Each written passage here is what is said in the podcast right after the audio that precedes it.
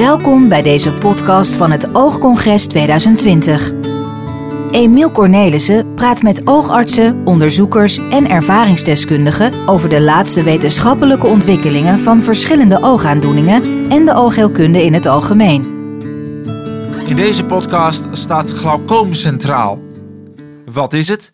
Wat zijn de mogelijkheden om het te behandelen?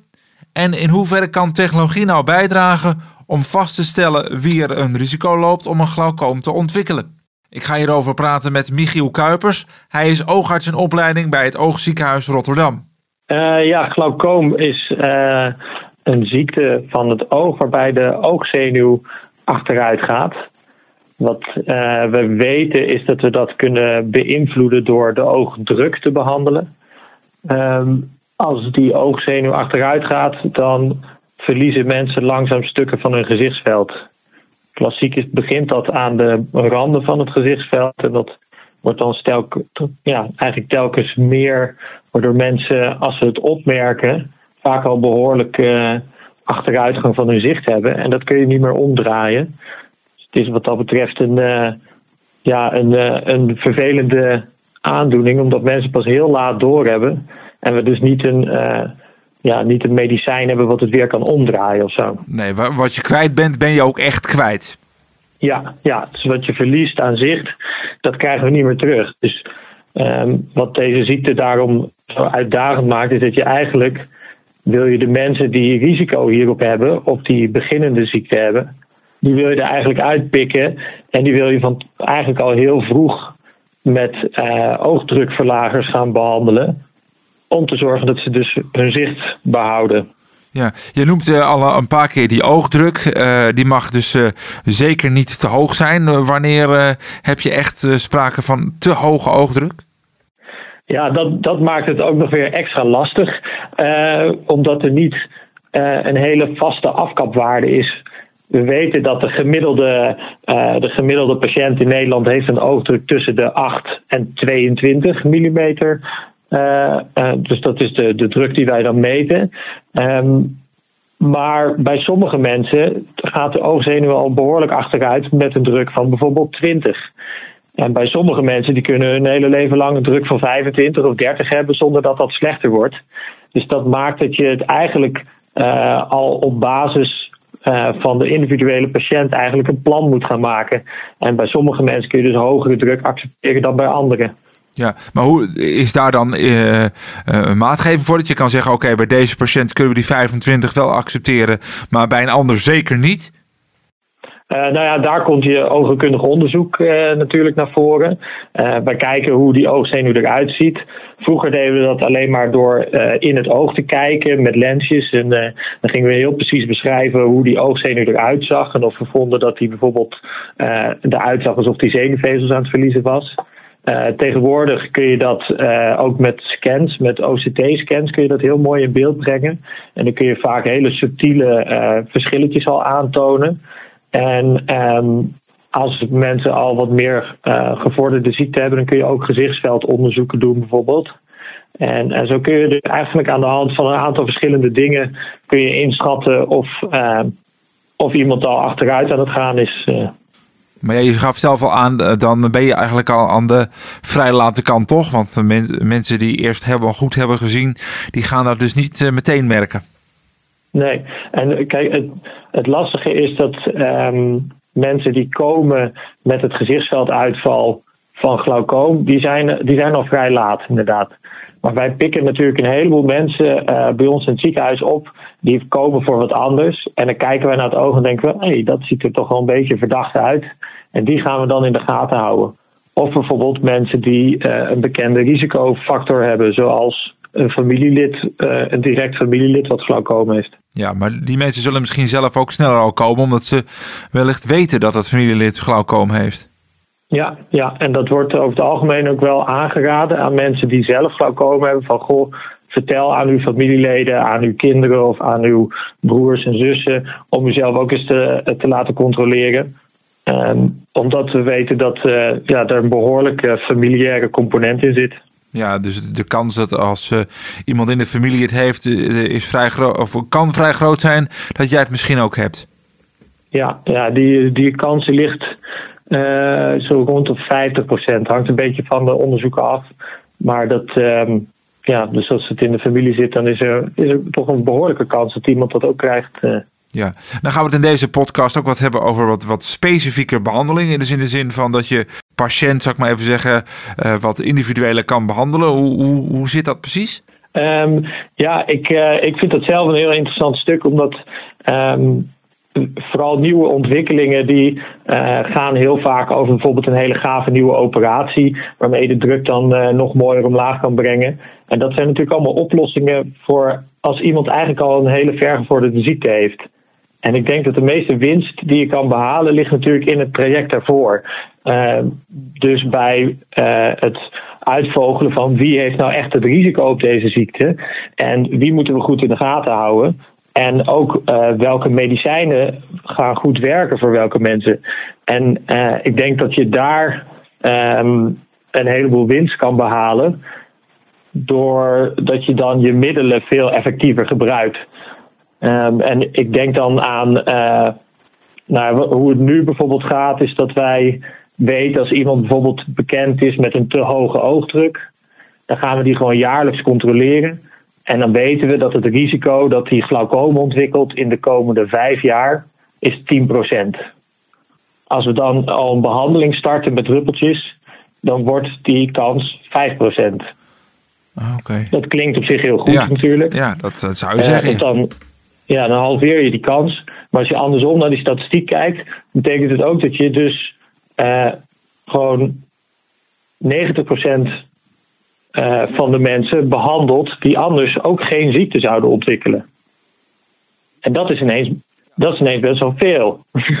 Daarvan weet je eigenlijk nou de kans dat die dan iets krijgen is heel klein. Ja, eigenlijk wel. Dus uh, wat wij nu, kijk, dat zijn de dingen die we nu weten uit onderzoeken. Hè, en dan van, oh, u heeft een te hoge oogdruk, dan heeft u 10% kans om de komende vijf jaar glaucoom te krijgen. Um, en als je dat vertelt aan iemand, dan willen ze graag die medicijnen, want mensen weten ook, dit is vervelend. Um, maar het zou natuurlijk heel mooi zijn als je al van tevoren kan zeggen, nou, weet je, u heeft een hoge oogdruk, maar u valt in die 90% bij wie dat waarschijnlijk niet gaat gebeuren. Dus we hoeven u geen medicijnen te geven. Of andersom, u valt in de, in de echte risicogroepen, moet u wel medicijnen geven. Dus dat, dat zou natuurlijk heel mooi zijn. Um, en het lijkt uh, vooral met uh, dingen zoals genetisch onderzoek uh, en big data en ook wel artificial intelligence zijn nieuwe opkomende ja, technieken eigenlijk, waarmee we hopen dat we daar in de toekomst veel uh, duidelijkere voorspelling van kunnen gaan maken. En dat vind ik heel interessant. En dan zou je dus bij elke patiënt um, op basis van zijn genenpakket, dus van zijn DNA, en uh, misschien allemaal andere data uit zijn uh, patiëntendossier, dus uh, en voorspellingen op basis van hele grote cohorten patiënten, kun je dan ineens een risico-inschatting gaan maken van ga jij een groot risico hebben om glaucoom te krijgen of niet. Wat misschien nog wel leuk is om te vertellen, is dat wij op dit moment zelf als artsen naar het oog kijken. En dat wij een inschatting maken hoe die oogzenuw eruit ziet. En dat we op basis daarvan ook beslissingen maken. Maar dat ze, computers hebben ze leren kijken naar die oogzenuw. En die kunnen dat dus echt veel beter dan wij. En die kunnen zelfs aan de hand van de bloedvaatjes kunnen die dan zien of het een mannen- of een vrouwenoog is. En um, dat, uh, ja, dat soort dingen is natuurlijk wel iets waar je op een gegeven moment dan gewoon een foto van een oog maakt en een computerprogramma ernaar laat kijken. En die gaat dan zeggen hoe goed het is of niet. Maar laten we dat dan niet te veel over aan uh, computers en andere zaken. Als je zegt big data en artificial intelligence. Ik bedoel, uh, zouden we dat echt zo nauwkeurig kunnen doen? Moeten we dat niet veel beter zelf doen? Nou ja, het mooie is dat we, wij proberen dat zelf ook. Dus wij houden dan rekening met een heel aantal dingen. Dus dan gaan wat aan het begin bij een patiënt wat metingen doen. En dan kijken bijvoorbeeld naar de dikte van zijn hoornvlies en hoe oud is iemand. En dan ga je op basis daarvan een voorspelling proberen te maken uh, wat het risico is. Maar als je dus een computer met uh, veel meer datapunten uh, daarnaar laat kijken, die kan dat veel beter voorspellen dan ons. En helemaal als die een database heeft om het tegen te vergelijken, die heel groot is. En ze doen bijvoorbeeld in Engeland hebben ze laatst een onderzoek opgestart waarbij ze een half miljoen mensen hebben gevolgd en daar alle oogdrukdata van hebben opgeschreven. Nou, daar kan ik met mijn eigen ervaring als arts niet tegenop. Dat, uh... Nee, maar is dat, zit daar ook niet een bepaald risico in? Want uit zo'n model zou kunnen komen, nou ja, uit, uit, uit alle statistieken die uh, het systeem heeft vergeleken, blijkt dat deze patiënt het niet heeft. Of, of de kans daarop heel klein is. Uh, maar dat, dat hoeft natuurlijk niet zo te zijn. Hè? Want ik kan me zo voorstellen dat er toch ook wel individuele factoren zijn waarop zoiets kan ontstaan, ja of nee? Ja, zeker. Dat is altijd als je grote datasets gaat gebruiken waar je zelf eigenlijk niet meer het inzicht hebt in wat uh, de het achterliggende reken, uh, berekening is of zo, dan, dan moet je altijd rekening houden met dat er ook fouten in die data kunnen zitten. Um, dus er moet denk ik altijd een arts bij zitten die die data gaat interpreteren en op basis van die persoon er een plan van gaat maken. Dus ik denk niet dat je net gewoon klakkeloos van het computerscherm kan een advies kan overschrijven en uh, dat op iedereen kan toepassen. Maar ik denk wel dat je het heel goed kan helpen om je kliniek te ondersteunen. En dan moet je het natuurlijk overleggen met je patiënt. En daar zit de dokter natuurlijk nog heel erg tussen. Ja, ja, ja, ja want dat contact natuurlijk tussen arts en patiënt blijft, uh, blijft heel belangrijk. En uh, zou dat dan ook kunnen uh, helpen in, in echt het voorkomen van die glaucoom? Want we hebben het nu toch wel steeds over mensen die, die klachten hebben en, en mogelijk zo'n glaucoom ontwikkelen. Kunnen we het ook al voorkomen dan aan de hand van die big data? nee, het ziektebeeld voorkomen niet. Maar ik denk wel dat, um, dat we uh, blindheid door glaucoom wel kunnen voorkomen. Als je dus weet wie je moet, uh, wie je moet gaan screenen. Dus stel, um, stel je zou, uh, en dit is, dit is echt niet iets wat nu gebeurt, maar stel je zou in de toekomst hele grote groepen mensen op DNA gaan screenen. En je zou daaruit kunnen uh, halen wie er een groot risico op glaucoom heeft. En zou die mensen bijvoorbeeld eens in het jaar kunnen controleren. Ik denk dat je dan een heleboel uh, vergevorderde problemen door glaucoom zou kunnen voorkomen, omdat je het al ziet als het ontstaat en ze dan al kan gaan behandelen in plaats van dat je veel te laat start met je behandeling. Ja, ja en dat, dat, daarmee zou je dan dus in ieder geval die uiteindelijke blindheid, want dat is toch wel het, het eindstadium hè, van de glaucoom, kunnen voorkomen. Ja, ja en het lastige is dat uh, er bij glaucomus ook voordat mensen echt blind zijn, uh, veel patiënten houden centraal best wel goed zicht, maar die hebben dan aan de randen al zoveel ingeleverd dat het, uh, dat, dat eigenlijk in hun, ja, in hun functie al heel erg belemmert. Dus dan kunnen ze best nog scherp letters van het scherm aflezen, maar omdat ze al zoveel aan de rand missen, zijn ze bijvoorbeeld niet meer, uh, niet meer goed in verkeerssituaties of ze struikelen snel. En dat leidt natuurlijk weer heel snel tot uh, problemen dat mensen bijvoorbeeld een pols breken en dan in het ziekenhuis belanden. Dus je ziet vaak dat ook bij mensen die op zich nog een aardig centraal zicht hebben door glaucoom, dat die echt wel uh, behoorlijk aangedaan zijn in hun leven. Ja, en je noemde net al eventjes de medicijnen die er eventueel eh, voor zijn. Dat mensen zeggen, nou, geef me die medicijnen dan maar. Uh, kun je het daarmee echt afremmen eh, zodanig dat dat niet meer verder ontwikkelt? Of zijn we ook nog niet zo ver?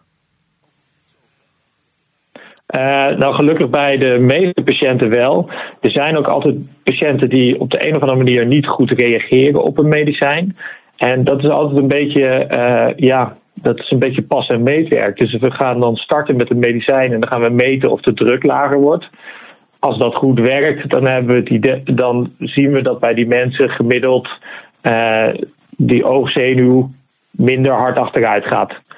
Helemaal uh, stilzetten, ja, dat lukt eigenlijk niet, omdat als mensen ouder worden, gaat het sowieso wat achteruit. Um, de hoop is dat we met die uh, met genetisch onderzoek en ook met sommige big data onderzoeken lijkt het al zo te zijn dat je kan voorspellen ook wie wel en wie niet op bepaalde medicijnen gaat reageren. Dus in plaats van dat we dan soms bijvoorbeeld twee of drie verschillende druppels moeten proberen, omdat iemand ergens last van krijgt of één medicijn niet goed werkt, of uh, uh, dat je dan eigenlijk van tevoren al kan zien van oh, dit is een medicijn wat uh, voor u het meest passend zal zijn. En dan kom je echt een beetje op die, de, ja, de tailored medicine, zoals ze dat in het Engels noemen. Maar dat is dus de, de, ja, de medicatie op maat eigenlijk. En dat zou, zou natuurlijk top zijn. Ja, dat, dat uh, voorkomt ook een hoop gedoe. En dat je moet uh, wisselen van druppels. En uh, nou ja, alle ongemakken die daar dan weer bij horen. Ja, want op zich klinkt een druppel natuurlijk vrij onschuldig. Maar we zien best wel vaak toch ook wel irritatie of allergische reacties op druppels. En voor veel mensen is het druppelen ook niet heel makkelijk. Dus het is, het is iets waar ze aan moeten wennen en wat ze moeten oefenen. Um, dus dat, ik denk dat als je dat proces kan stroomlijnen op zo'n manier, dat dat voor patiënten enorm veel uh, oplevert. Ja, en, uh, maar wordt, wordt die big data of de, deze vorm van analyseren, wordt dat nu al gedaan? Of is dat echt nog uh, in een proces van, nou dat willen we wel gaan doen, maar zover zijn we nog niet? nou, dat, dat tweede. Dus dat, nu gebruiken we dat nog niet. Um, er zijn wel onderzoeken bezig um, waarin ze dat gebruiken en waar dan interessante dingen uitkomen, maar waar dan nog weer verder onderzoek naar gedaan moet worden. Um, maar op dit moment in de kliniek kunnen we dat nog niet gebruiken. Maar ik denk wel dat dit er snel aan gaat komen. Dus ik verwacht heel eerlijk gezegd dat over vijf of tien jaar dat wij uh, in de kliniek gewoon een heleboel gegevens in een soort voorspellingsmodel kunnen uh, zetten. En dat we dan een veel beter uh, onderbouwd gesprek kunnen hebben met de patiënt over de risico's. Ja, uh, en om dit onderzoek goed te doen, hebben jullie dan ook nog weer meer en andere patiënten nodig? Of hebben jullie uh, als onderzoekers ook voldoende in kaart om te kijken van oké, okay, die patiënten kunnen we uitnodigen om, om deze onderzoeken te bevorderen? nou ja, dit soort onderzoeken gaat over hele grote aantallen. Dat zijn vaak bijvoorbeeld een onderzoek wat in Noord-Nederland gebeurt, dat heet Lifelines. Daar hebben ze bij 150.000 mensen zijn ze uh, aan het volgen en hebben ze ook de uh, genetisch materiaal van. En dan kunnen ze, dat is niet alleen voor, voor ogenkundige dingen, maar daar worden een hele hoop onderzoeken op gedaan. Maar van zo'n database, daar kunnen dan ook oogonderzoekers gebruik van maken. En dat zijn eigenlijk, de, denk ik, voor dit soort dingen de, de, beste, de beste manieren. Want dat zijn gewoon hele grote aantallen en daar kun je uiteindelijk het meeste uithalen. Ja, goed. Dus die dus uh, dat beter analyse of dat nog beter kunnen analyseren en kunnen kijken van hey, kunnen we dingen eerder opsporen? Dat zal dus zo van een jaar of vijf à tien uh, echt goed kunnen, begrijp ik uit jouw woorden. Uh, ja, dat hoop ik wel. Ja, en, ja. En, en wat kunnen mensen nu doen? Um, nou, wat ik, ik denk dat wat voor patiënten belangrijk is nu, is dat als je bij je dokter bent, dat je altijd bedenkt van wat zijn, uh, waarom krijg ik eigenlijk een behandeling? En, uh, en is deze behandeling, um, uh, wil ik dat?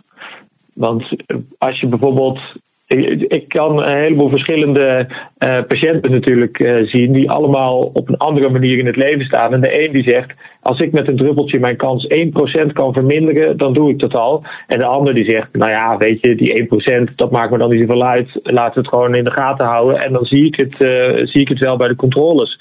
En um, ik denk dat dat vooral heel belangrijk is om ook als patiënt te weten dat uh, dat je natuurlijk samen met je dokter tot een behandeling komt en dat je, um, dat je daar keuzes in hebt. Ja, nou ja, want realiseren mensen zich dat dan wel? Want je, je, kan ook denken, nou goed, als de arts zegt dat dit goed voor mij is, dan doe ik dat maar gewoon. Want ja, die arts heeft er immers voor doorgeleerd. Ja, dat is natuurlijk hoe heel veel mensen erin staan. En uh, dat is natuurlijk ook prima, want dat, uh, als je zelf denkt van ik vind dit moeilijke materie en ik heb geen zin om hier uh, om hierover na te denken als er iemand tegenover me zit die, uh, die daar wel over nadenkt. Dat is natuurlijk prima. Um, maar voor heel veel mensen die willen hier graag wel uh, deel van zijn. En dan, dan denk ik dat het heel goed is om ook te weten van kansen op verslechtering en wat de medicijnen daaraan doen en wat voor verschillende behandelopties er zijn. Dus dat, uh, dat is denk ik uh, een hele goede ontwikkeling die we in de, uh, nou die in ieder geval de laatste jaren vind ik dat patiënten dat, dat zelf ook heel goed doen. Die willen vaak van de hoed en de rand weten. En ik denk dat dat ook goed is. maar ze hebben niet al van tevoren heel veel dingen gegoogeld waarvan je achteraf, achteraf zegt, hadden ze misschien beter niet kunnen doen? Ja, dat is altijd lastig. Welke informatie ga je, ga je gebruiken? Um, ik denk dat uh, de meeste ziekenhuizen hebben, hebben best goede, begrijpbare uh, folders over dit soort ziektes, omdat het gewoon wel veel voorkomt. En ik denk dat dat altijd wel handig is om aan te houden, want dat is gewoon basisinformatie die duidelijk is. En ja, als je gaat googlen, dan kun je natuurlijk van alles vinden. En um, wat, wat ook wel lastig is, is dat er natuurlijk een heleboel verschillende soorten glaucoom zijn. En dat, um, dat, dat maakt uh, de, de Google search thuis bijzonder lastig. Ja, heel goed. Um, en nou ben jij oogarts in opleiding. Ga jij helemaal specialiseren in die glaucoom? dat lijkt mij, lijkt mij wel leuk. Ja, ik ga, een, ik ga straks nog een, een, verdieping doen in glaucoom. En um, dan daarna moet ik nog kijken hoe we dat hoe we dat verder in de kliniek gaan toepassen. Maar glaucoom is wel een ziekte wat, je, wat elke oogarts hoe dan ook tegenkomt en veel tegenkomt. Dus het is, um, ja, je gaat, dat zo, je gaat er sowieso mee werken. Maar het lijkt mij heel leuk om daar me nog extra in te verdiepen, ja. Ja, want wat maakt het nou zo leuk ten opzichte van uh, andere oogaandoeningen? Want er zijn er genoeg. Ja, ja, en er zijn er zelfs een heleboel waarvan het veel duidelijker is wat je nou moet doen en wat het onderliggende mechanisme is. Maar dat vind ik nou juist aan dat glaucoom zo leuk, is dat het nog een beetje iets mysterieus heeft. We weten niet precies wat nou, de, uh, wat nou het hele mechanisme is waardoor het ontstaat. We weten wel hoe we het kunnen beïnvloeden. En er zijn heel veel uh, nieuwe mogelijkheden. Dus zowel qua chirurgie als qua medicijnen en, als, uh, en dit soort uh, dingen waar we vandaag over hebben gehad, hè, die uh, genetisch onderzoek en big data, dat soort dingen. dus ik denk dat het een, een oogheelkundig subspecialisme is wat bijzonder in ontwikkeling is. En dat, dat lijkt mij vooral heel leuk om mee te maken. Dat, Oké, en tot slot even, als mensen nou meer willen weten over de glaucoom, of, of, of om te weten of ze misschien zelf daarmee te maken hebben, wat kunnen ze dan het beste doen? Uh, nou, ik denk dat, uh, dat als mensen bijvoorbeeld zelf al gecontroleerd worden voor glaucoom, dat ze het beste bij hun controles met hun arts daarover kunnen praten.